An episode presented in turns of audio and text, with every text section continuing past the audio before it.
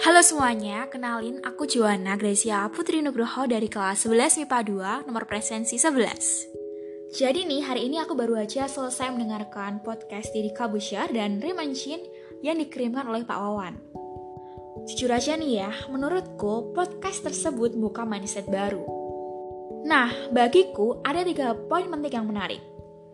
Yang pertama privilege, yang kedua education, yang terakhir ada money and rich. Deddy Kabusha dan Raymond Shin dalam podcast tersebut mengatakan bahwa nggak perlu diragukan lagi kalau privilege menjadi salah satu variabel untuk menuju kesuksesan. Tapi hal yang perlu digarisbawahi di sini adalah privilege bukan satu-satunya penjamin kesuksesan seseorang. Privilege yang dimiliki bakal sia-sia, bakal hangus begitu aja kalau seseorang nggak bisa manfaatkannya dengan baik. Entah itu flexing, hedon, dan lain-lain.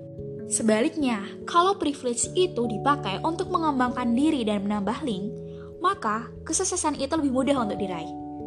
Nah, aku setuju banget dengan statement itu karena bagiku sendiri, privilege itu emang bantu banget kita untuk menuju kesuksesan. Tapi kalau kita nggak bisa mengolahnya dan memanfaatkan dengan baik, ya bakal percuma aja gitu.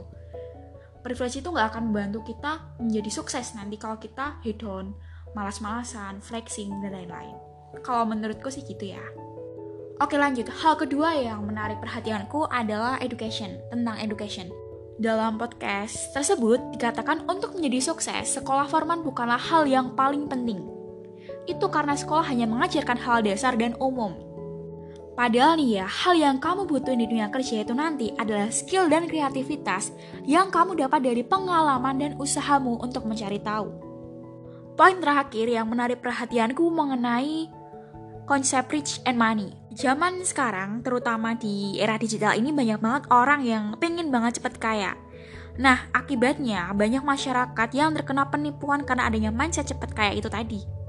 Banyak banget masyarakat yang tertipu dengan SMS yang berisi kalau menanam uang segini bakal dapat keuntungan yang banyak banget dalam waktu singkat. Padahal untuk menjadi sukses itu membutuhkan proses. Dan proses itu bisa lama, bisa cepat, tergantung usaha yang kita lakukan. Intinya, untuk mendapatkan uang dan menjadi kaya ataupun sukses, kita harus menikmati prosesnya.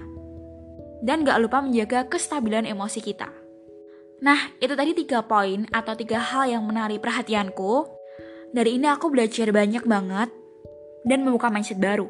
Sekian aja pendapatku mengenai podcast tersebut. Intinya podcast itu membantu banget, sangat-sangat membantu dan berguna membantuku dalam mengambil langkah untuk mencapai kesuksesan. Jika ada salah kata atau kata yang kurang berkenan, aku minta maaf sebesarnya. Sekian dan terima kasih.